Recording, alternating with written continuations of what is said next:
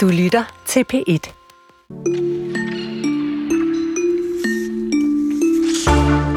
Velkommen til hverdagen, hvor vi her i kulturen er stærkt legesyge i dag. Det kan man roligt sige, Chris. I den her time, der handler det både om øh, millioner af computerspillere, der kollektivt sidder derude lige nu og glæder sig og frygter også lidt for et nyt Counter-Strike skydespil, der udkommer på onsdag. Og så har vi en ægte hurra og konfetti succeshistorie fra brætspilsverdenen, for da Guldbrikken, den her prisuddeling i går, delte priser ud, var der overvældende mange dansk producerede spil blandt vinderne. Det ser vi på. Og så får vi besøg af weekendavisen Jesper Jeppe Bensen, der netop har udgivet bogen De Vingeskudte, hvor han undersøger sin egen generation. Og det er altså en generation af Europas yngste voksne, der for første gang mærker krig og krise på egen krop. Lyn med om et kvarter. I studiet i dag er Jesper Dein og Chris Pedersen. Vi starter her i DR. Øh, programteksten til en af DR's nye serier på DR TV eller DR.dk siger sådan her, de dyre drenge går ikke på kompromis, hverken med sig selv eller deres arbejde. De drømmer om frihed og masser af penge, og det kræver, at de lægger alt i deres karriere. Man er til nok penge, når man kan ud og købe lige, hvad der passer ind. Dufter bare rigdom, synes jeg. Her bor jeg. Mine økonomiske mål. Sådan plus minus 100 millioner eller sådan noget. Ah! Fucking fedt.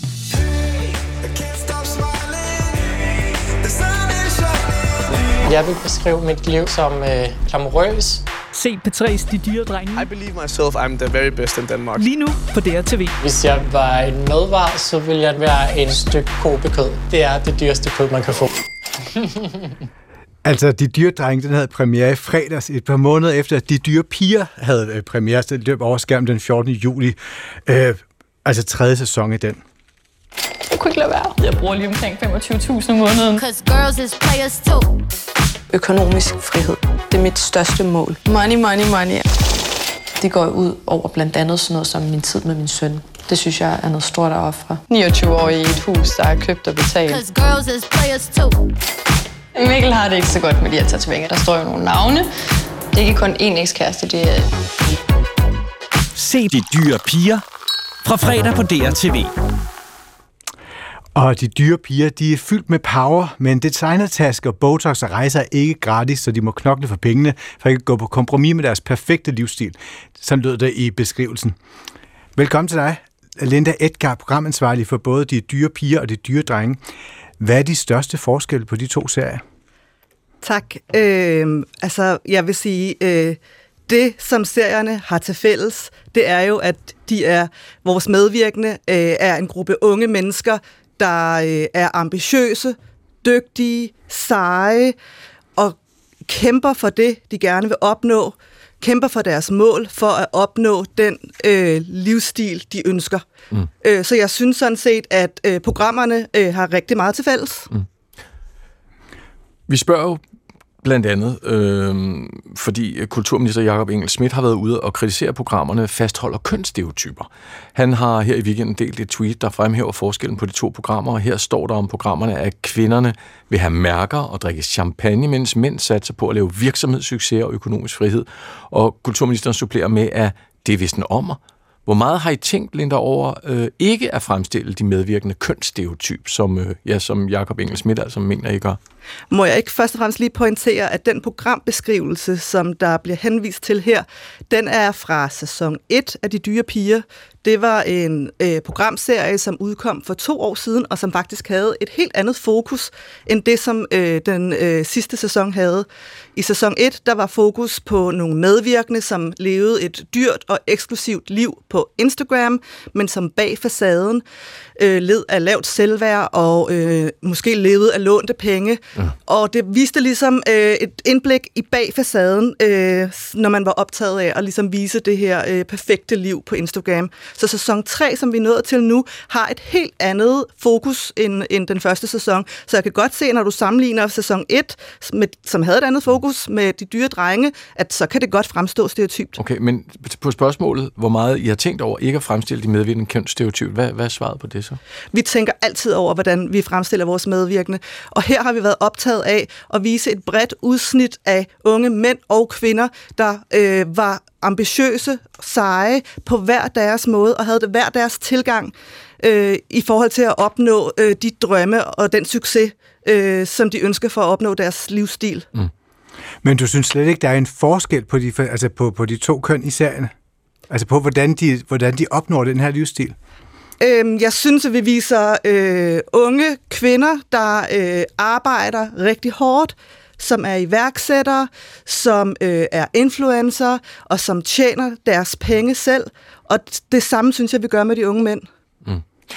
De dyre pigers motivation er, uanset hvad programteksten sagde, Linda, så er det jo øh, at, at se godt ud og tjene penge og opretholde en luksuriøs livsstil. Det er i hvert fald for de fleste. Ikke? Hvad, hvad er motivationen for de her drenge i serien? Jeg synes, det, der øh, kendetegner alle vores medvirkende, det er, at de hver især har en drøm om at opnå en vis livsstil. Øh, og den er meget forskellig fra øh, de forskellige medvirkende. Der, og der er nogen, der øh, har drømme om at opnå en livsstil, hvor man kan prioritere at bruge mange penge på at rejse, på at købe en bil, på at øh, købe dyre øh, madvarer eller på at købe designertasker. De har hver især deres, øh, deres øh, mål for en eksklusiv livsstil. Mm. Hvad hedder det til Ekstrabladet, der uddyber kulturminister Jakob Engel Schmidt i sin kritik og siger, at citat, øh, pigerne fremstillet som RKI-troede dulletyper med skarp fokus på mærkevarer, makeup og sjæløb shopping efter den næste løbe tongtaske, mens drengene er Jesper Buk-typer, skarpe CBS-fyre, der ligner nogen fra tv-serien Billions, med blikket øh, stift rettet mod karriere og en adresse på Strandvejen. Hvad tænker du så om, at forskellen her bliver opfattet af andre, for eksempel kulturministeren, sådan kønsstereotyp skildring? Øhm, det synes jeg er ærgerligt. Jeg, jeg, vil, øh, jeg, jeg vil opfordre til, at man i hvert fald sætter sig ned og ser alle programmerne, fordi det er ikke sådan, vi skildrer vores medvirkende. Vores, øh, I vores øh, medvirkende i De Unge Piger, der har vi øh, en, en ung medvirkende kvinde, der arbejder 40-55 timer om ugen som receptionist i et hotel, for at blive rigtig god til hotelverdenen, fordi hendes drøm det er at blive hoteldirektør. Vi har også en scene, hvor vi er med Ida i Spanien, hvor hun planlægger sit øh, iværksætteri-eventyr øh, med en drøm om at importere smykker fra Spanien. Øhm, og øh, jeg tror også, vi skal huske på, at mange af de her kvinders øh, iværksætteri foregår på sociale medier, øh, hvor de øh, er mega strategiske omkring, hvordan de øh, fremstiller sig selv i forhold til de kommercielle samarbejder, de kan opnå. Ja hvor drengene sidder og handler valuta og, og andre ting, øh, tøj dem. Nå, lad os lige høre noget mere fra programmerne, Linda. Øh, et klip fra De Dyre Piger, der er sæson 3, så er vi det på plads. Det hedder premiere i juli måned, og som noget af det første, der møder vi øh, Sepur, der har en øh, søn på to år. Hun er influencer og bankrådgiver, og øh, meget stor hang, kan vi roligt sige, til luksus. Det kan hun godt lide. Fede biler og dyre restauranter, det er også rart.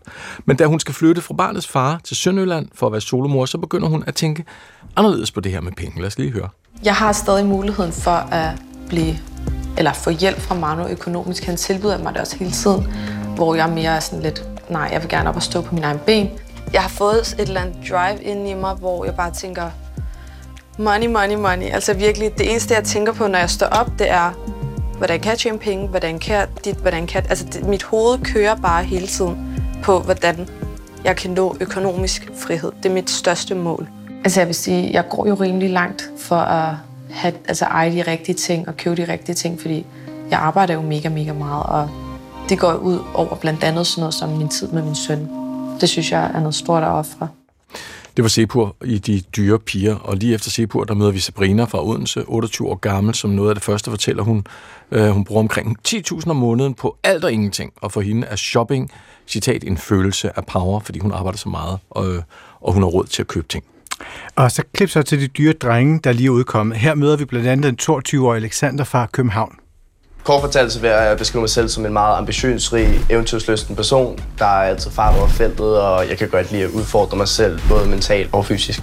Jeg morgenbader, fordi øh, det giver mig en rigtig god start på dagen, og jeg synes, det er super lækkert at bade. Det er super vigtigt for mig at have en fast rutine om morgenen. I og med, at jeg går ud og laver noget, som jeg synes er super lækkert, og giver mig sådan en energiboost, det lægger et rigtig godt fundament for min dag, og gør så min dag bare lidt det bedre. Dagligt så trader jeg valutakurser, og jeg underviser folk i at trade valutakurser. Og så har jeg et firma, der køber, renoverer og sælger ejendom nede i Katalonien. Det er den perfekte start på dagen. Det er det virkelig. Nu skal jeg se mig se på markedet, fordi markedet åbner her klokken 9, og så skal jeg lige kunne øh, tage stilling til, om der er noget, jeg skal holde øje med, og om der er noget, jeg skal holde øje med i løbet af dagen. Alexander han kalder sig ambitiøs, og som man kunne høre i Trade, han valutakurser og handler med ejendom i Katalonien. Lige efter ham præsenterer programmet de to forretningspartnere, Nils og Lennart på henholdsvis 23 og 25 år. De driver en tailoring business sammen og træner op til maraton, og Nils studerer også lige markedsføring ved siden af. Så det er unge drenge, der allerede, allerede har virksomheder og økonomien i gang. Hvordan har I overvejet, hvordan I fremstiller medvirkende i de to forskellige serier? Nu er det ikke alle de mandlige medvirkende, der allerede har en virksomhed i gang, og samtidig er der nogle af de kvindelige øh, medvirkende, der er allerede godt på vej. Øhm, vi har valgt at vise et bredt udsnit af, af, af de her unge, øh, ambitiøse mennesker, og hvordan man på forskellig vis kan tilgå det at blive økonomisk uafhængig, og hvordan man kan gøre det via at knokle på den ene eller på den anden måde. Vi dømmer sådan set ikke, hvordan man gør det. Vi fremstiller virkeligheden, som den er. Og så vil jeg sige, vi kaster jo også ud fra, at det her er nogle, øh, nogle fantastiske unge mennesker at være i selskab med, og også at de har nogle spændende, interessante eller rørende historier at fortælle. Øh, og jeg tror, uden at spoil for meget, hvis man ser med i de næste to programmer, der udkommer på fredag, så vil man også se øh, en baggrund både hos øh, især Sammy og Francisco, som øh, vil øh, være meget rørende. De her trailer-reklamer, som, som I indledte med, er selvfølgelig et kort sammenkog af noget meget, meget længere, men de skal jo sælge programmet til det rigtige publikum, og i De Dyre Drenge, der hører vi om økonomiske mål på plus minus 100 millioner, og duften rigdom, og i De Dyre Piger, der hører vi om et, et stort forbrug, økonomisk frihed, udseende, tatoveringer om at have lidt øh, tid sammen med sit barn. Øh, appellerer de to programmer til samme modtager, tror du? Det tror jeg, de gør, ja. Øh, det er vigtigt for os at appellere både til øh, de mandlige og de kvindelige seere i vores målgruppe. Øh, det, du peger på der, det er jo et lille udsnit af den marketingskampagne, der har kørt. Der har kørt mange forskellige, både programklip og øh, promoer. Øh, og det her, det er en lille del af det. Øh, ja, jeg tror, det appellerer bredt i målgruppen. Tror du, fylder udseendet mere ved piger? Tror du, det er det, man sådan slår lidt ned på? Jeg tror, det fylder ved nogle piger, og så der tror jeg, det fylder hos nogle mænd. Den her kritik, som øh, kulturministeren blandt andet kommer med her, er er det noget, I sætter ned og tænker nærmere over, eller føler du, at vi har gjort det, vi skal?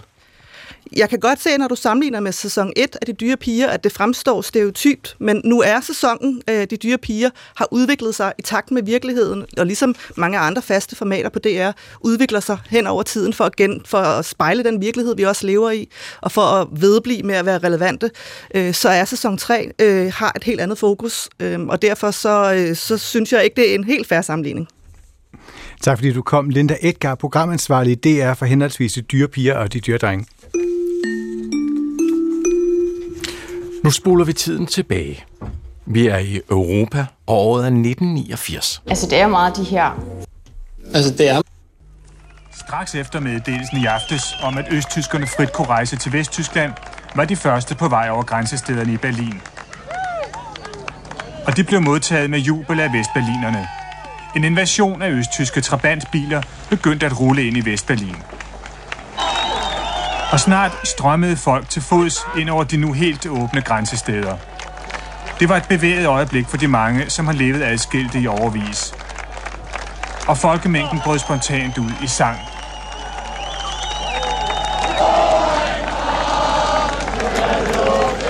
Ja, det var legendariske dage. Det var festlige, euforiske og historiske dage. Ja, jeg bliver også helt rørt. Jeg kan huske det som barn og sidde og se det her i fjernsynet. Det var helt vildt hjemme på Fyn. Og de, der ikke kan huske Berlinmurens fald og er vokset op med fred, og er vokset op med fred og fremgang på det europæiske kontinent, indtil krigen i Ukraine vendte op og ned på deres verden. I bogen De Vingeskudte, der undersøger retoriker og europakorrespondent ved Weekendavisen Jeppe Bensen sin egen generation af Europas yngste voksne, og de konfliktende følelser, de oplever efter at have mærket krig på kontinentet på første gang. Velkommen. Tak. Hej Jeppe. Hej. Den generation, som du undersøger, ja. du er selv en ung mand. Ja. Med fine briller. Der er Chris ligner hinanden. Ikke lige i dag måske. Okay. Kommer der bare sådan en dyr, glat dreng ind? Måske Nej, du er så fin. Kalder du for Europas yngste voksne. Hvilken generation er det? Prøv at sætte nogle ord på. Jeg har valgt at sætte et skæringspunkt ved, øh, hvorvidt man kan huske murens fald eller ej. Det vil sige, de er jo typisk født fra 1993 og så frem. Ikke? Jeg er selv fra 96. Og øh, det, det har jeg gjort, øh, dels fordi det giver mig sådan 30 års margen frem til i dag, men også fordi, at hvis man skal tegne et, et generationsportræt, som jeg har forsøgt, øh, så er de her sådan skældsættende formative øjeblikke ret gode som sådan pejlemærker for, mm. hvordan man orienterer sig i verden. Og du tager afsæt i sådan en tvivl, en følelse, du selv mærkede, da krigen i Ukraine brød ud. Hvad var det for en følelse? Jamen, det er rigtigt. Altså, på dag efter krigen brød ud der i slutningen af februar sidste år, der fløj jeg til Budapest og lejede en gammel Opel, og så kørte jeg de her 3,5 timer til den østlige grænse mod Ukraine, sammen med en jævnaldrende øh, bekendt fra byen, som hedder Gabriella, som er vokset op i Ukraine og, og Ungarn. Og hele vejen der, igennem, der talte vi ligesom om, hvad krigen betød for os, og hvordan vi ligesom tænkte over Europas position i verden. Og jeg tror bare, jeg havde mødt hende før, og de der sådan forskellige livsvilkår øh, og, og forventninger til verden, vi har haft tidligere, har aldrig været konfliktfyldte, men det blev det lige pludselig. Ja. Og hun udskammede mig nærmest hele vejen igennem, øh, for ligesom at have været så naiv og sådan at komme som den der sådan vestlige europæiske mand og nærmest et kniben tårer over, hvor sørgeligt det var, at der kunne opstå krig igen. Ikke? Hun sagde, fordi du ikke havde oplevet det jo. Fordi jeg ikke har oplevet det, fordi ja. at de klip, du spillede lige før, er fra en fest, jeg gik glip af. Ja. Du har taget en bid af, af prologen med til den her De Vingeskudte, som jeg synes kunne være rart lige at høre. Vil du prøve at læse lidt op? Det vil jeg gerne. Ja, det er fra, det er fra bogens prolog, mm. og rent kronologisk finder den jo sted i slutningen af rejsen. Det er en lille teaser. Modtaget. Jeg er rejst til Riga, fordi jeg i en annonce så en åben invitation fra et omrejsende europæisk danseensemble. En invitation til en enkelt aften med ultimativ frigørelse, langt væk fra krigen og fra det nye jerntæppe. Fristende. Ved Rigas ungdom hurtigt ind i varmen, forstår man dem godt. Også jeg trænger efterhånden til at give slip. Siden november er jeg steget på det ene tog efter det andet, og rejst på tværs af kontinentet for at blive klogere på, hvorfor krigen i Ukraine ændrede mit syn på Europa. Klogere på den nye æres konflikter, og på det mentale skifte, jeg kunne fornemme hos mig selv, men ikke var i stand til at sætte ord på, før nu. Jeg har set min illusion om det gamle Europas overlegenhed briste, og min ungdomsfortælling om evig fred og fremskridt falde fra hinanden. Jeg har krydset et tocifret antal landegrænser. Jeg er blevet krammet og udskammet, chokeret og rasende. Jeg har drukket og spist mig igennem hele det ideologiske kompas – og jeg har lært, at det ikke fungerer, som det plejer. Og jeg har gjort, hvad jeg kunne for at få det hele med. Det står i den brune notesbog, som stikker op af min vinrøde uldfrakkes sidelomme. I den har jeg samlet reaktioner, tanker og nye idéer fra Europas yngste voksne, generationen, der er for ung til at huske murens fald. Det er deres blik, jeg følger rundt, på sporet af en generation og dens nye fortælling. Ikke en krigsanalyse, ikke grundforskning, ikke endnu en belærende skrivebordsforklaring fra generation 89. Jeg har samlet reaktioner og forventninger til den nye tids Europa fra de europæere, som skal forme den. Så jeg har været stakåndet siden november. Og, som jeg har retfærdiggjort over for mig selv, hvis jeg trænger til en pligtfri aften, badet i champagne, som invitation til festen lover, må de unge være langt mere trængende her i Letland, Ruslands nabo. Og så pegede Jeppe lige på mig, da han sagde årgang 89. Ja, det er dig. Det er mig. Det er, ja, fordi du kan huske det. Jeg kan tåle det. Jeg er født i 77, så jeg var kun 12 dengang, hvor moren faldt. Men du køber altså den her interrail-billet, rejser igennem Europa for at snakke med unge europæere fra øst og vest. Hvad for nogle tematikker og følelser gik igen hos dem, synes du? Jamen, oplevelsen af, at der er nogle illusioner, der er bristet. Altså, de, dem, dem jeg har talt med, øh, der går det igen, at en forventning, de havde til, hvordan øh, deres tid på, jo, på den europæiske jord skulle forme sig, øh, har forandret sig radikalt. Ikke? Og så i vest har det så været kendetegnende, at, at, øh, at der har været sådan et behov for sådan en selvrensagelse, eller en opgør enten med dem selv eller med deres forældre, som de ligesom har fået overleveret de her fortællinger fra, eller fra deres undervisning, eller, eller hvad det nu har været. Og så for øst var det så meget det modsatte perspektiv. Der er det jo meget sådan mig, de rettede deres frustrationer over mod, øh, mig, der kom sådan helt naiv og, og vestlig, og ligesom mm. ville opdage det nye Europa. Ikke? Og de sagde, at vi har været, altså, vi har været ramt i, i overvis efterhånden. Ikke? De synes jo, at Ukrainekrigen gik i gang i 2014, hvad den jo måske også gjorde, da, da halvøen Krim blev annekteret. Øhm, men de, har jo, de deler jo selve den grundfortælling, som jeg siger, øh, jeg er vokset op med. Altså, de lærte jo ligesom, at de skulle sørge for at få lært engelsk og ligne dem i Vesten, så de kunne komme væk derfra. Ikke? Så den der sådan fortrængning af, af, af de konflikter, der jo stadigvæk har eksisteret, som er det, jeg problematiserer, øh, deler de jo. Mm. Og nu er de jo sådan dels frustreret over, at, at alvoren først skal op for sådan en som mig nu, men også ligesom øh, lettet over, at det endelig sker. Ja. Så det er blandede følelser, vil jeg sige. Hvilken følelse efterlader det dig med? Altså når du møder det, det er fra, fra, de, altså for dem? Jamen som et iskoldt styrtebad. altså bogen her er jo bygget op som en, som en græs tragedie, ikke? Øh, med hovedpersonen, mig, som går igennem en masse erkendelser, men altså, det er klart mig, der er skurken i den fortælling, ikke? som bliver gjort klogere og ligesom både afklædt og påklædt igen undervejs. Og bliver været skamfuld over, at du har været sådan en lalleglad optimist, eller hvordan? Ja, det, for mig personligt startede det med, at jeg var øh, sådan lidt bitter, tror jeg, over, øh, over dem, der kom før mig, var lige ved at sige. Øh, sådan, dem, som har lært mig det her, øh, det her billede på sådan håbets kortlagte Europa, ikke? Hvor, ja. Hvor de store ideologiske slag ligesom var udkæmpet. Det, jeg kalder det lidt spøgefuldt Lykke Friis Europa, ikke? fordi hun jo også, om nogen har personificeret det, sådan den generation af de 89'ere, som man kalder dem. Ja. Men jeg siger, undervejs blev det faktisk mere til også et behov for sådan, at gøre noget ved det selv. Hvorfor bitter? Det er et vildt ord at bruge. Jamen, det var, det var indledningsvis, ikke? hvor jeg ligesom tænkte, okay, der er noget, der er blevet holdt skjult for mig. Ikke? Sådan, jeg, har, jeg har ligesom lært det forkerte, jeg har fået den forkerte undervisning. Øh, men det, det holder jo ikke øh, særlig længe at, at rette det væk fra sig selv, vel? Så det er også derfor, jeg tænkte, nu gør jeg noget ved det. Køber en intervalbillet, og det, det forekommer før måske sådan lidt, lidt bedaget at gøre, ikke? Det var lidt en, en 70'er ting, men altså pludselig gav det jo mening for mig, ligesom at få udforsket noget, jeg var ja. i tvivl om.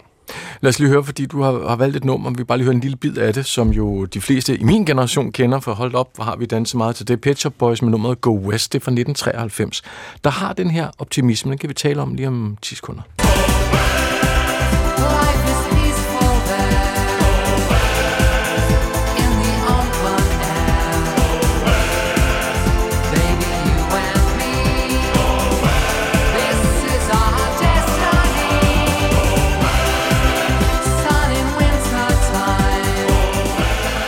Ja, det er en sang om alt det der La La Land, der er derovre i vest, hvor solen skinner, luften er renere og politisk ingen problemer. Hvad er det for en opfattelse, du møder her? Det er vel præcis det, vi lige står og taler om. Det er lige præcis det. Og nu er det jo kulturprogrammer, I er jo nogle æstetikere begge to. I har måske set musikvideoen, hvor man også ligesom mm. ser de her soldater ligesom marchere fra øst, og så helt praktisk over i vest, hvor der er en meget lang, høj trappe op i det hensides, hvor der problemer ligesom er løst. Ikke? Det er himlen derovre i vest på. Og den er blevet brugt i mange øh, kontekster, den her sang. Ikke? Øhm, men øh, men den, den blev nævnt nogle gange undervejs, øh, blandt andet i Wien, hvor jeg talte med en ung, ungarsk øh, kvinde, som, som sagde, at den der sang fra 1993 kendetegner ligesom den øh, fortælling om verden, som, som hun er vokset op med, øh, hvor det simpelthen bare handlede om altså, at fortrænge alt det der grå, øh, kedelige beton øst, som mm. hun ligesom selv voksede op i, i provinsen i Ungarn, ikke? og så bare se at komme, komme vest på og glemme øh, sine rødder, mere eller mindre. Sådan ser hun så på det nu, ikke? og hun siger, at det der, det var, det var det dummeste, vi kunne gøre. Ikke? Måske havde vi opdaget alvoren lidt tidligere, måske havde vi gjort det allerede i 2014, så havde vi måske undgået den her situation. Ja. Hvorfor tror du, de har brug for at bryde med, med det her verdenssyn nu? Jamen for simpelthen ikke at gentage den samme naivitet. Jeg tror, at de ser på, øh, på de her øh, forkælede år, som nogen kalder dem fra, fra 90'erne og frem, ikke? hvor man kunne til, tillade sig at være lidt mere apolitisk i det, øh, som noget, de gerne vil undgå at falde i selv. Mm. Jeppe, der har jo været flere kriser. Det er jo ikke, det er jo ikke den første krise, du og din generation hører om. Der har været øh, 9-11, der er finanskrisen. Hold da op. Mm. Hvorfor tror du, det blev krigen i Ukraine, der blev det skældsættende øjeblik? Det tror jeg, fordi at det er en, en, øh, en situation, som har potentialet til at være styrende for, hvordan øh, den her generation ser på resten af verdens kriser. Ikke? Altså, klimakrisen er jo selvfølgelig den alt overskyggende, men det ser jeg og mange andre, jeg taler med også ligesom som sådan et globalt, øh, måske lidt uhåndgribeligt problem, ikke? hvor altså, bogen her er jo fuldtonet øh, eurocentristisk, ikke? Øh, og der har jo øh, Ukrainekrisen en anden sådan konkret størrelse, som, som kan være styrende, ligesom generationen 89 havde murens fald, ikke? som jo også ligesom betød mest for folk østpå, men alligevel dannede præcedens for en, en hel generation af politikere og, og kunstnere ligesom tænkte over deres samtid efterfølgende, ikke? som vores nuværende regering for eksempel, ikke? som er formet efter det her billede. Øhm, og man kunne også nævne eurokrisen i, i Grækenland, og man kunne nævne ja, finanskrisen, som du siger, ikke? Men, men det er som om, at dem, jeg taler med, siger, at det, det har ligesom været nationale kriser. Det har ikke været sådan en europæisk samtidskrise på samme måde. Nej, men, og tak med, med de ord, vi vil sige tak til dig. Jeppe Bensen, retoriker, europakorrespondent ved Weekendavisen og forfatter til bogen De Vingeskudte. Tak.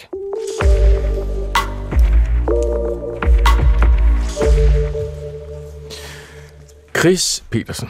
Ja. Hvis øh, du skulle vælge et uh, gamernavn, altså sådan et professionelt kaldenavn, når du spiller mm. computerspil, du ved, ligesom danske e-sportsfolk fra Astralis øh, har en muligt Storm, Ace, Mad Dog. Hvad vil du så vælge? Hvad, hvad skulle du hedde, når du spillede der med, med drengene og pigerne? Øhm... Oh, Holden Caulfield. Holden Caulfield? Hvorfor? The Catcher in the Rye. Ja. Ham den unge Ja. Utærlige. Det er altid ham, jeg vælger. Ved alt, der er digitalt. Det virker aldrig, men Nej. det vil jeg vælge. Okay. Jeg hedder Hank Moody fra, fra tv-serien Californication. Det skal vi ikke dvæle så meget mere ved. Grunden til at spørge, det er, at der er kommet et nyt spil, øhm, eller der er et nyt spil på vej. Et længe ventet nyt spil, der måske udkommer den her uge på onsdag.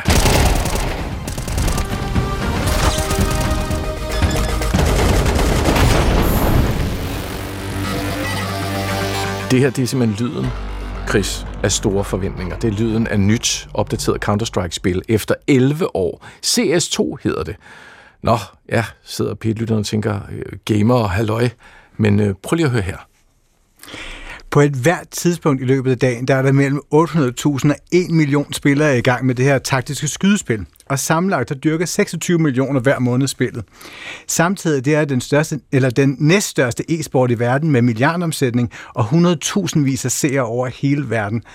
Herhjemme der tjener danske e-sportspillere som Peter Rotman Rasmussen, bedre kendt som Dupree, over 2 millioner dollar om året, som spiller på holdet Vitality. Og nu har Andreas Jern Thomsen, kommentator på TV2 Zulu e-sport, dæk, dækning. Nu har øh, vi fået, og nu har vi fået Andreas Jern Thomsen, kommentator på TV2 Zulu e-sport dækning, og som har spillet CS siden 2001. Hej Andreas. Hej hej. Fede gamernavn, dreng. Det skal, det skal lige have med fra Hank, Hank Moody. uh, prøv at høre. Det kan virkelig noget. Ja, det synes jeg også, det kan. Men det kræver lidt af målgruppen. Jeg tror ikke, de mange teenager, jeg spiller imod, de ved, hvad Hank Moody er, hvis jeg skal være helt ærlig. Prøv at høre, Andreas, du ved alt om det her, øh, og hvor stort det er. Prøv at fortælle alle øh, de voksne og lidt ældre, øh, hvor stort er det her? Jamen, Counter-Strike er blevet kæmpestort, specielt i, i Danmark med, med gamingbølgen, som egentlig kom jo rigtig meget i nullerne med, med computergaming. Der var, der var danskerne foran. Øh, vi, vi var nogle af de lande, der fik øh, tidlige gamingcomputer i konfirmationspenge. Vi havde godt infrastruktur med godt internet. Så det har været en kæmpe stor ting i Danmark. Så den, øh, den bølge her med specielt Counter-Strike, som nok er det, den længste stående e-sport, der er derude, har bare blivet ved med at få øget popularitet. Mm. Så de numre, vi ser nu, de tal, antal spillere og sådan noget, er blevet skyhøje. Så e-sport er 100% fremtiden. Det erkender dem, der har amerikanske fodboldhold i USA også de ved godt, om 10, 15, 20 år, så kan de måske ikke fylde stadion længere med traditionelle sportsgrene, så de satser hårdt på e-sport, mm. så der er kommet rigtig mange penge ind i branchen også. Og nu kommer der så det her CS2. Øhm, ja. Hvor stort er det? Det er rigtig stort og et rigtig vigtigt tidspunkt. Som sagt, det er et gammelt spil. Øh, den version, vi spiller nu, der hedder CSGO, den har været der siden 2011-2012, og som vi ved, digital kultur, det går stærkt. Der skal hele tiden opdateringer til. Så vi er et sted lige nu, hvor vi er, vi er bagud rent grafisk og, og sådan spilmuligheder. Så det er vigtigt, at der kommer et nyt spil, og det er også et godt spil, så, så den her vækst, den ligesom fortsætter. Og lad os lige få det på plads, Andreas. Hvad er den store ændring i, den her, i det nye spil? Altså, øh, grafikken ved det blotte øje sige er den helt store ændring, men der er også øh, i spillet, der er der nogle øh, mekaniske foranstaltninger, som bliver ændret. Man bruger meget granater øh, på de to hold, og de er fuldstændig anderledes i forhold til før. De agerer på en anden måde, øh, og hele sådan spilfølelsen, banerne, øh, og det lyder igen måske ikke af meget, men hvis man sammenligner det med traditionel sport, fodbold, jamen altså ændrer man fodbolden, ændrer man øh, græsplænen og vindmodstanden og sådan noget, det har jo kæmpe betydning. Og sådan er det også med e-sport. En lille ændring, den, øh, den betyder meget.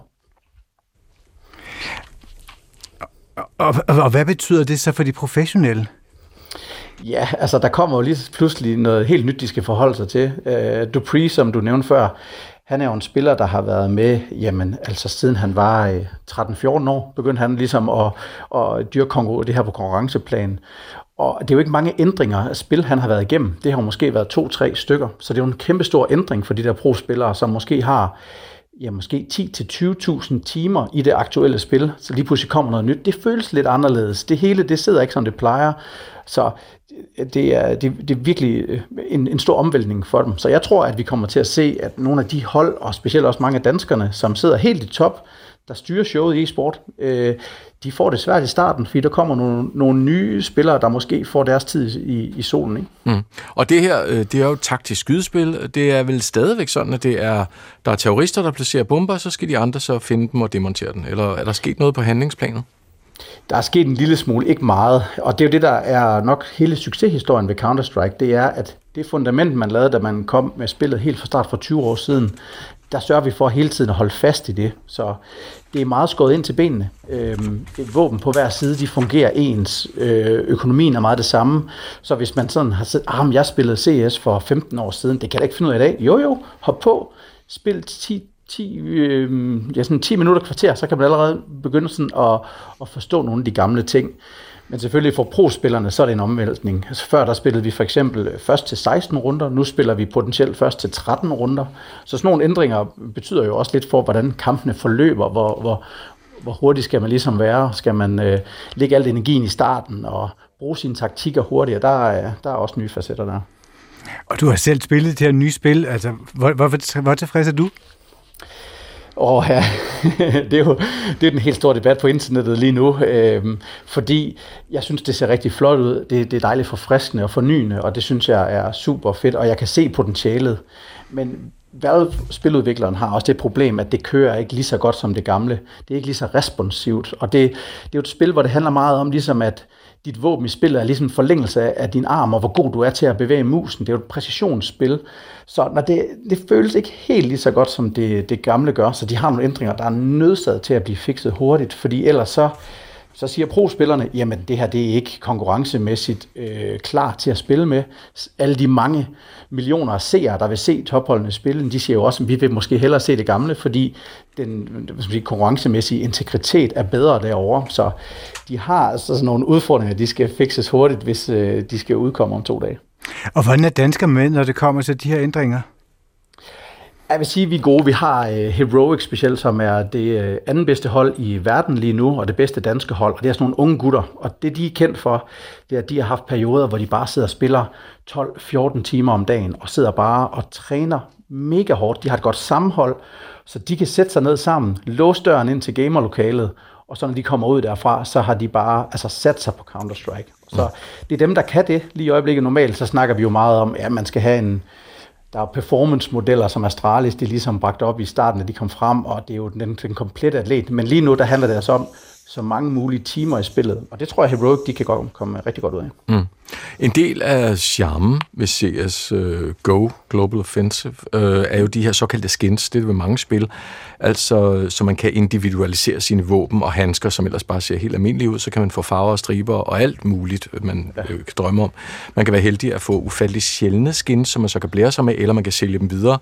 Uh, hvad sker der for den samling, som jeg ved mange af teenagerne uh, især uh, har samlet igennem mange, mange, mange år? Det har de så i deres lille skattekiste, digital skattekiste. Når sådan et ja. nyt spil gør, øh, kommer, hvad, hvad sker der med dem? Der sker faktisk en del. Det første, det var jo, at spiludvikleren skulle ligesom give svar på tiltale. Bliver, spil, bliver de her skins øh, porteret over til det nye spil, og det gør de. De har sagt, at det fungerer på samme måde. De kan simpelthen ikke trække øh, tæppet under så stor en økonomi, som det er blevet. Det er jo simpelthen blevet... Folk handler det jo som aktier og kigger på afkast og perioder. Men det, der sker, det er, at når grafikken den ændrer sig, så ser nogle af de her skins også en lille smule anderledes ud. Så den mest populære kniv, der måske, øh, ja, den kunne måske godt have kostet 50.000 dollars, den falder måske lige 20-30% i pris, fordi den ikke er lige så flot i det nye spil, og så er der ikke så meget popularitet omkring lige præcis den. Og det gør jo også, at øh, jamen, altså, handles det og købes ikke så meget, ikke så attraktivt, så falder aktien, og det er lidt det samme der. Så øh, det, det bliver også rigtig spændende at følge, men, men det er tydeligt at mærke fra spiludviklerne, de gør alt for, at det ligesom bliver bibeholdt, fordi der er også rigtig meget økonomi for dem mm. i det. De får jo en procentdel af transaktioner, der sker igennem spillet. Ja, fordi der, sagde du 50.000 dollar for en skin? Altså, det vil sige, hvis Chris for en havde, kniv? For en kniv, hvis du havde en virkelig fed kniv. det, det, det, det er sagtens, og det er slet ikke for at overdøve overhovedet. Jeg ved, at øh, der er blandt andet en dansker, der har købt en, øh, et skin til en AK-47, som... Øh, altså til en rifle, sådan en assault rifle der, ja? Ja, lige præcis. Øh, og og den, øh, den var helt speciel og helt unik, og så havde den de helt rigtige klistermærker på, og jeg ved, at han har givet over 100.000 øh, euro for den. Det er en skør, skør verden. Og det er sådan i farver og striber og klistermærker og alt muligt, så det er jo ikke noget at gøre med camouflage, det er virkelig bare for at stikke ud. Fuldstændig. Det er, det altså, jeg sammenligner tit med designermøbler. Altså, du kan også øh, tænde og slukke lyset for den fra IKEA, men altså, der skal man have den, den rigtige lampe stående det rigtige sted, så man kan dele det på sociale medier, og man kan sige til sine venner, man har den. Ikke? Ja. Og så talte du jo direkte lige ind i mit æstetiske sind. Men hvis du kigger i, altså i hvad hedder det, krystalkuglen, hvad sker der så? Bliver det rent CS2, eller er det også CSGO ude fremover i, i e-sport? Nej, vi skal have det her klare skifte over til CS2. Det bliver vi nødt til. Vi har prøvet før ved tidligere versioner, øh, omkring 2011, at der blev, øh, der, blev, der, blev, der blev delt vandene igennem et tidligere spil, der hed 1,6, og så noget, der hed CS Source, som var en, et nyt spil. Og det resulterede i, at holdene de blev fordelt hver især, fansene blev fordelt hver især, og, og, og simpelthen spillerne. Og, og vi skal ikke have to næsten identiske spil, der konkurrerer mod hinanden, fordi der er rigeligt andre e-sports at konkurrere mod, så vi skal lave det her klare skifte. Øh, mm. Så så snart det udkommer, så skal vi spille til PS2. Mm. Og lige nu, øh, lige de her dage, der er der det, der hedder ESL Pro League, hvor man kæmper om, så vidt jeg ved, 850.000 dollar, noget af den stil. 32 hold har været i gang. Hvordan går det med det? Det er jo dig, der kommenterer det blandt andet. Ja, vi dækker den over på, øh, på TV2 Echo Play, og det, øh, det går øh, okay. Vi har Danske Astralis øh, med videre, de skal spille i, i morgen, og øh, altså, vi er i, i slutspilstadiet nu. Vi har haft en masse grupper, det er en lang turnering over fem uger, så nu spidser det til. Men man kan også godt mærke for nogle hold, der er der også, altså, der er et nyt spil lige på trapperne. Der er en metaltræthed, fordi at kalenderen har været hård, og de har faktisk ikke haft så meget sommerferiepause. Så det er dem, som ligesom kan holde fast. Så jeg vil sige, øh, favoritterne, jamen øh, måske faktisk en G2 øh, med danske Huxi som øh, holdkaptajn, synes jeg er, er, er værdig. Han er, han er allerede kvartfinal klar. Så det er måske Sagde du Huxi? Det er ikke den Huxi? Øh, Huxi, H-O-O-X-I, okay, som er et ægte gamernavn. Cool. Altså, øh, han, er, han er spilklar, det vil jeg sige. Jamen, ham vil vi så holde øje med. Tak mm. til Andreas Jern Thomsen, kommentator på TV2 Zulu e-sport-dækning, og har spillet CS siden 2001. Ja, og vi bliver lidt i Lejland, øh, kan man roligt sige. Voksen Lejland. I går blev der delt guldbrikker ud, da årets bedste brætspil blev kåret. Det skete i Absalon i København.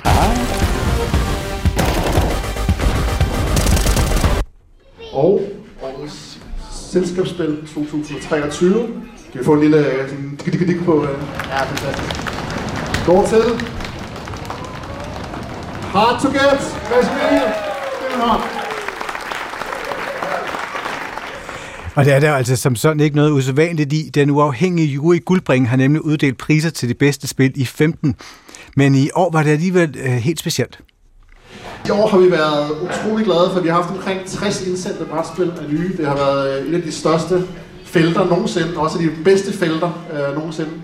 Vi har haft øh, virkelig mange danske brætspil også, og vi er helt vilde at sige, at, at faktisk 9 ud af de øh, 16 nominerede spil i øh, årets guldbrække, det er dansk udviklet brætspil. Ja, der er meget, meget stor glæde her. Det er simpelthen øh, sket en mindre eksplosion i antallet af brætspil, der er udviklet af danskere, og måske også i kvaliteten. Det skal vi øh, se på nu, øhm, og det skal vi sammen med juryformand for Guldbrækken, Thomas Vigil. Velkommen. Tak. Prisuddelingen var i går. Hvordan, øh, hvordan kunne man mærke se det her danske overtag?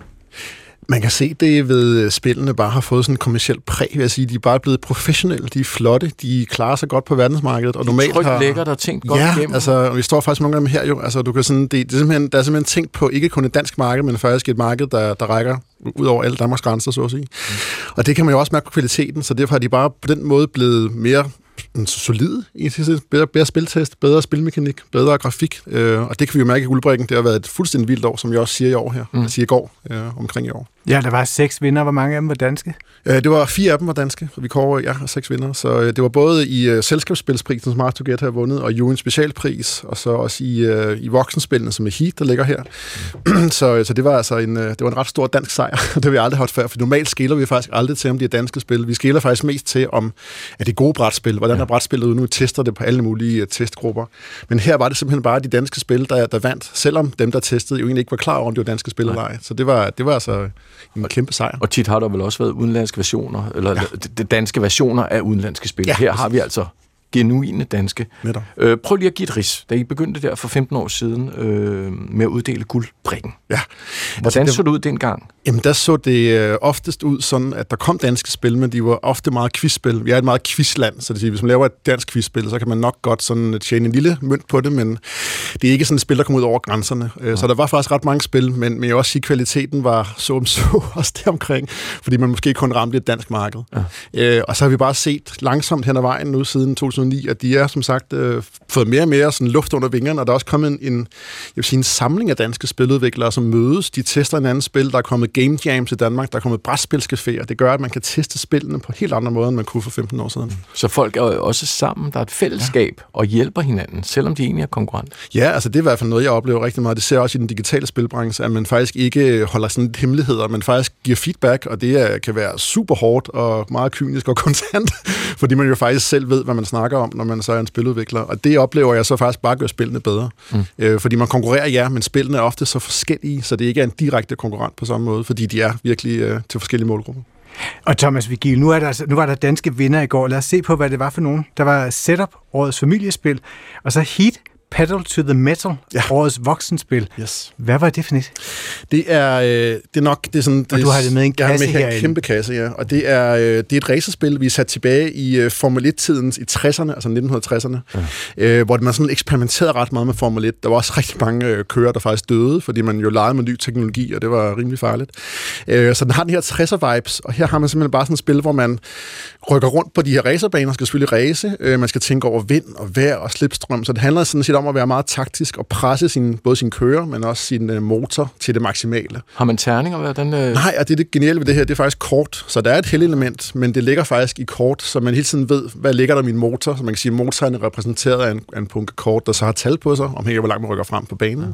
Og så kan man på den måde prøve at være sådan lidt strategisk ved at lægge mig lige bag Massimil her, øh, eller ved at køre foran, øh, og når tager jeg ligesom det store ryg på, den, på langsiden også. Øhm. Men det ser utrolig retro ud, det ligner, hvis det stod i vinduet hos en, en legetøjsforhandler i en gammel provinsby, som tænkte, det har stået der siden 1960'erne. Ja, og det tror jeg også er meningen, fordi det skal ligne en, en, en lidt gammel klenod, tror jeg. Ja. Og det, det, til mig tiltaler det helt vildt. Ja, det ser fedt ud. Altså, det ser fedt ud. Og hele finishen, som jeg også startede med at sige, det er, altså bilerne er bare lækre, banerne er smukke, øh, kortene, man, man sidder og kigger på. Vil lige tage en bil op? Jeg lige tage en bil op, så kan vi ræse lidt rundt. Så kan jeg jo sige, imens, øh, hvis du holder æsken op, at det er Daniel Skjold Petersen, står der på æsken. Ja. Og Asger Harding Kranelund. Står Granerud. Granerud, yes. der står. Øh, og de er en... Øh, de, ah, det er små biler, det havde jeg også håbet. Prøv hvor søde de er. De er ja, ret de flotte. Er super, altså, de er super søde, og så forskellige ja. farver. Og så har man den der små gears, sådan en gearstang i samme farve som sin bil, man så ja, ja. rykker rundt på. Ikke? God gammeldags uh, manuel stik. Ja, ja, og der er endda også, de har endda også taget presse med, så der er sådan nogle kameraer, der filmer, og så præger det også bilerne og sådan noget. Og der er faktisk en utrolig interessant måde at køre mod computeren på, eller mod brætspillet, så ja. man kan faktisk spille det alene, og så kan man race mod, øh, kan man sige, brætspilstyrede modstandere. Og det, det er jo mega det er fedt. Altså faktisk mega fedt. Så her kan I se, det her, det er, nu prøver jeg få et kæmpe bræt ud, det er så USA-brættet, det her. Ja. Men, det, men det er voksenspillet, der virkelig, ikke?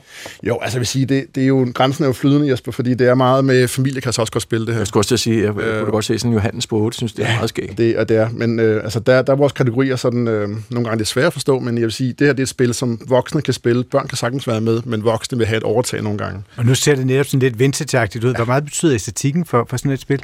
Det betyder alt for mig. Altså jeg vil sige, det her kunne, øh, kunne, kunne sagtens være lavet meget, meget billigere og meget sådan grimmere, men det der med, når man sidder og kigger på noget, man har på bordet i lang tid, så man faktisk gerne have det er flot. Altså ligesom en flot du, eller du ved, en flot tallerken, mm. eller et flot stykke kunst, en flot bog.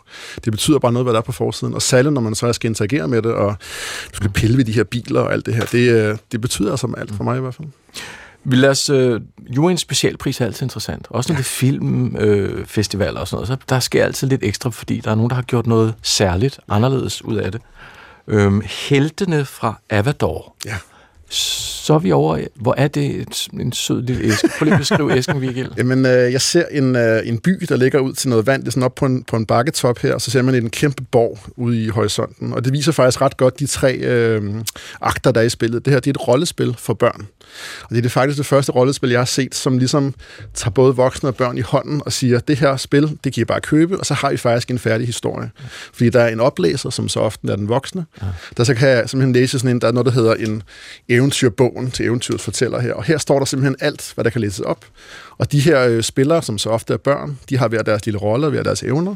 Og så står der simpelthen, hvad sker der så? Hvad kan de vælge her? Der er sådan nogle... Øh, en rutediagram. Ja, ja, ja, præcis. Ja, ja, ja. Så vælger man ja og nej her. Og sådan noget. Ej, okay, kigger du ned efter Ej. den her øh, fisk? Okay, hvad sker der så? Og så videre. Hvor gammel er Nu siger du børn. Hvad, hvad? Jamen altså, vi har testet ned til fire år, og der er børn bare med. Og det vil sige, lige pludselig har du en spilbar introduktion til børn om rollespil, Ej, samtidig med, at de voksne også lærer noget. Altså, jeg blev virkelig meget klog på her, hvad rollespil også kan i forhold til børn. Fordi, Væk fra skærmen, hen til ja, rollespil. og her har man det her, altså en, en, et eventyr kan tage en times tid, afhængig af, hvad man så diskuterer. Så du har altså tre timers højtlæsning, fantastisk samarbejdsspil og rollespil for børn og voksne her i Helten af Fador. Og det vil vi gerne premiere, fordi man kan sige, det er jo ikke et brætspil som sådan, Jesper, men det er mere et spil, som vi synes i hvert fald rykker nogle grænser for, hvad, hvad rollespil kan i Danmark. Ja, og tager den ned til børnene, ja, som vi altid bruger os over at sidde med skærmene. Ja, og så rykker vi fra børnene fra de helt små, så til årets partyspil, som jeg tror er meget mere i min kaliber. Ja, selskabsspil kalder vi det. Hvad kalder du det? Selskabsspil. Selskabsspil. Vi kan godt lave et party også. Hard to get. Og vi har faktisk, hvad hedder det, ud, vinde spiludvikler med. Det var dig, Mads Emil Christensen. Det er korrekt. Det er mig. Det er dit spil. Øh, tillykke med det. Jo, tak.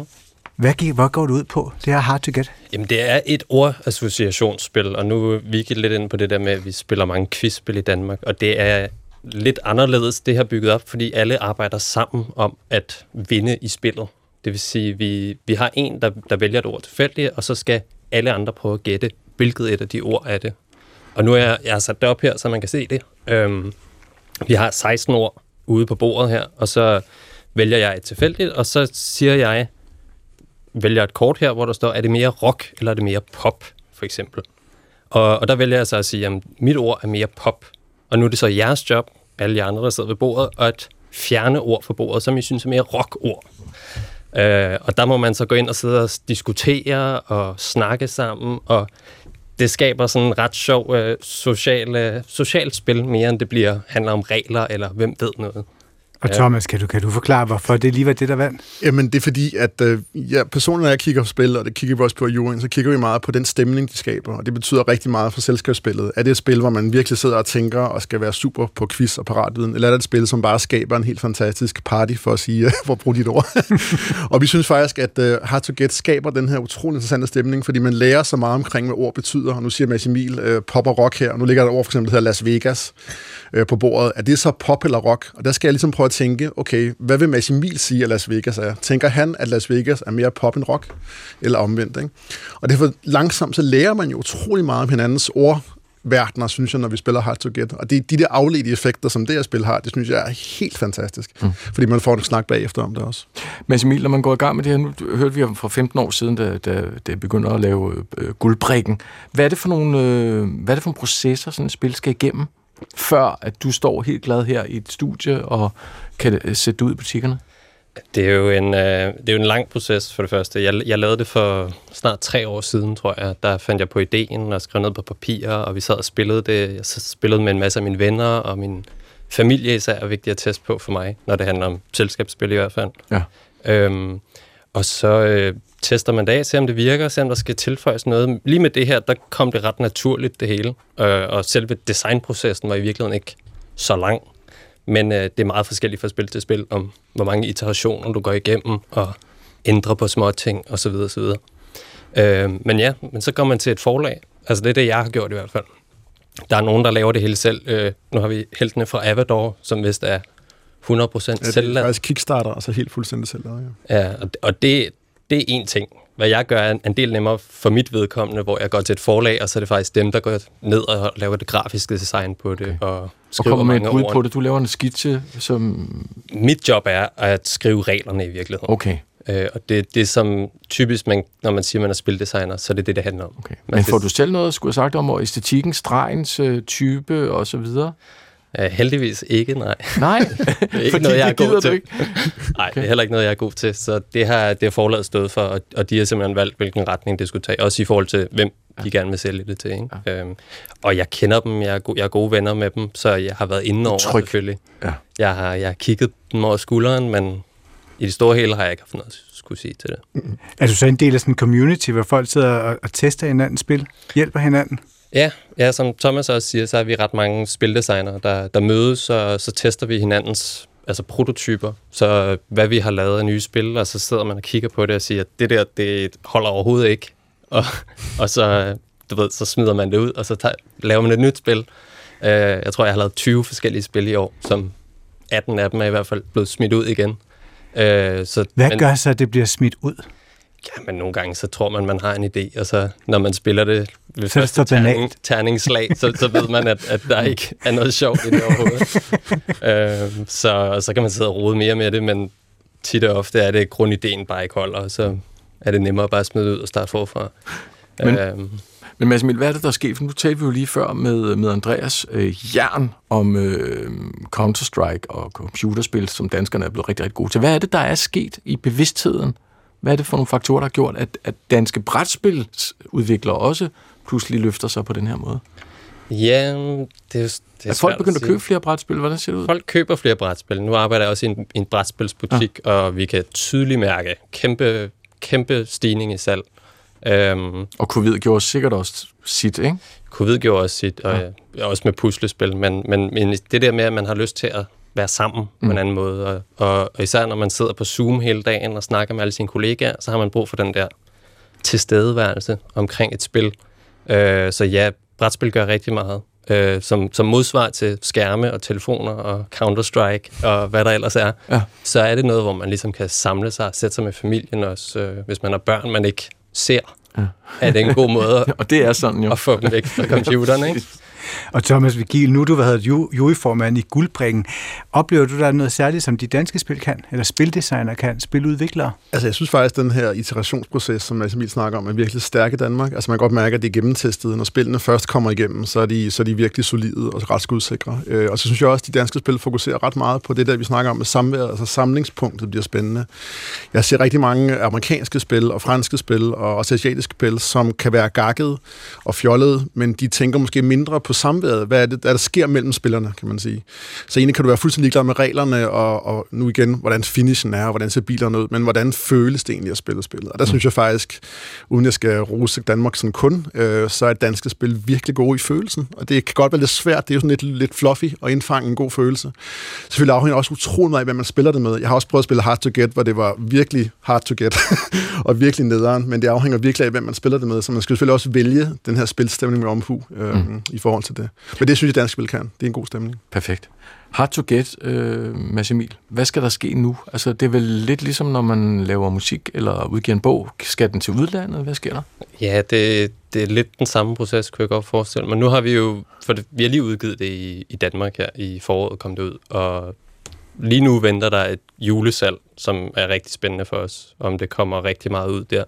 Øh, men samtidig så skriver vi jo også til udlandet og prøver at se, om vi kan få det få det bredere ud, altså mm. få det ud på internationalt marked, så vi har den her store, eller vi har ikke, der er en stor spilmesse i Tyskland her om to uger faktisk, øhm, hvor folk tager ned og viser alle deres nye spil frem, men det er også der, man kan få fat i forlag fra udlandet, der så eventuelt kunne tænke sig at udgive spillet i deres land.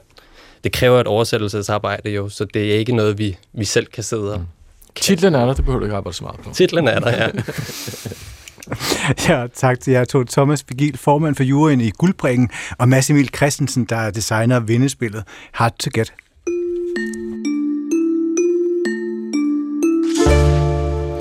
Så er der, og det er der mange derude, der har ventet på, Breaking Bob Nyt. Det handler om Bob Dylan, for nogen en rocklegende, for andre en småirriterende mundharmonika-nisse. Bob er blevet en 82, og det er flere år siden, han sidst gav en guitar på scenen. Indtil lørdag aften i Noblesville, Indiana. Ifølge Gaffa dukkede han uannonceret op til den årligt tilbagevendende velgørenhedskoncert Farmade. Her spillede han tre sange, som han ikke har fremført live i årvis, bakket op af sin bakket op af sin afdøde kollega og win Tom Petty's backing band The Heartbreakers. Og Dylan han har noget med landbruget. I sommeren 85 spillede han til en stor velgørenhedskoncert Live Aid og sagde fra scenen, at man altså også burde hjælpe økonomisk nødstillede landmænd hjemme i USA. Og den bemærkning fik kollegaen Willie Nelson til at tage initiativ til de her Farm Aid-koncerter. Dylan spillede øh, tre numre øh, her i weekenden, blandt andet Positively Fourth Street, som er, vel, det kan man sådan set bare sige, en fuckfinger til alle de smarte Greenwich Village, der ikke gad tale med Bob, før han blev kendt.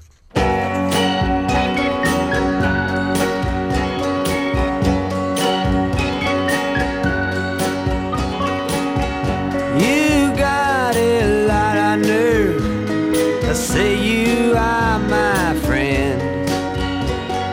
When I was down, you just stood there grinning.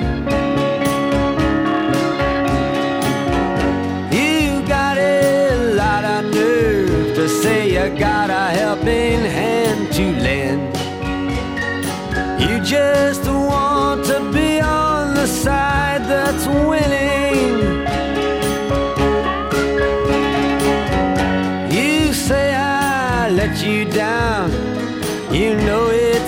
not like that. If you're so hurt, why then don't you show it? You say you've lost your faith, but that's not where it's at. You have no faith to lose, and you know it.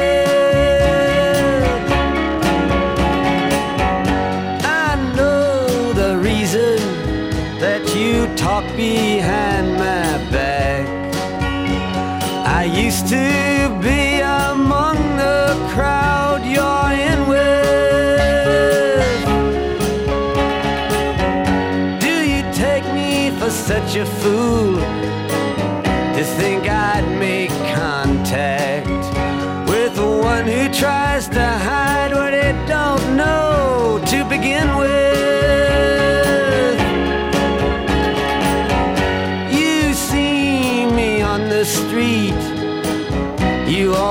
always act surprised. You say, How are you? Good luck, but you don't mean it.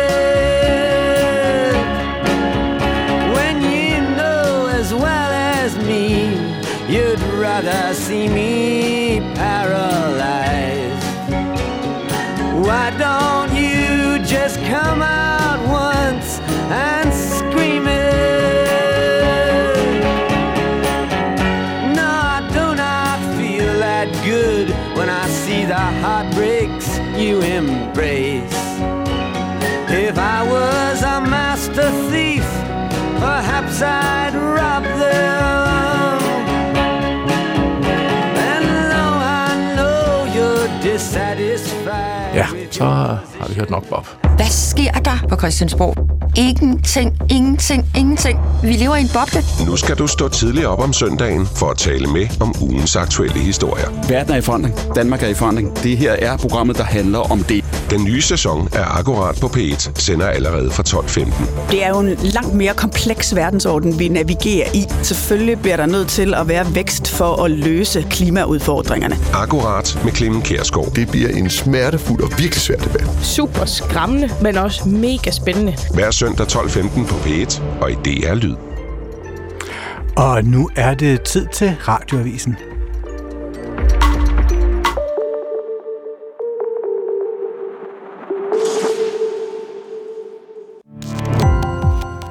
Gå på opdagelse i alle DR's podcast og radioprogrammer. I appen DR Lyd.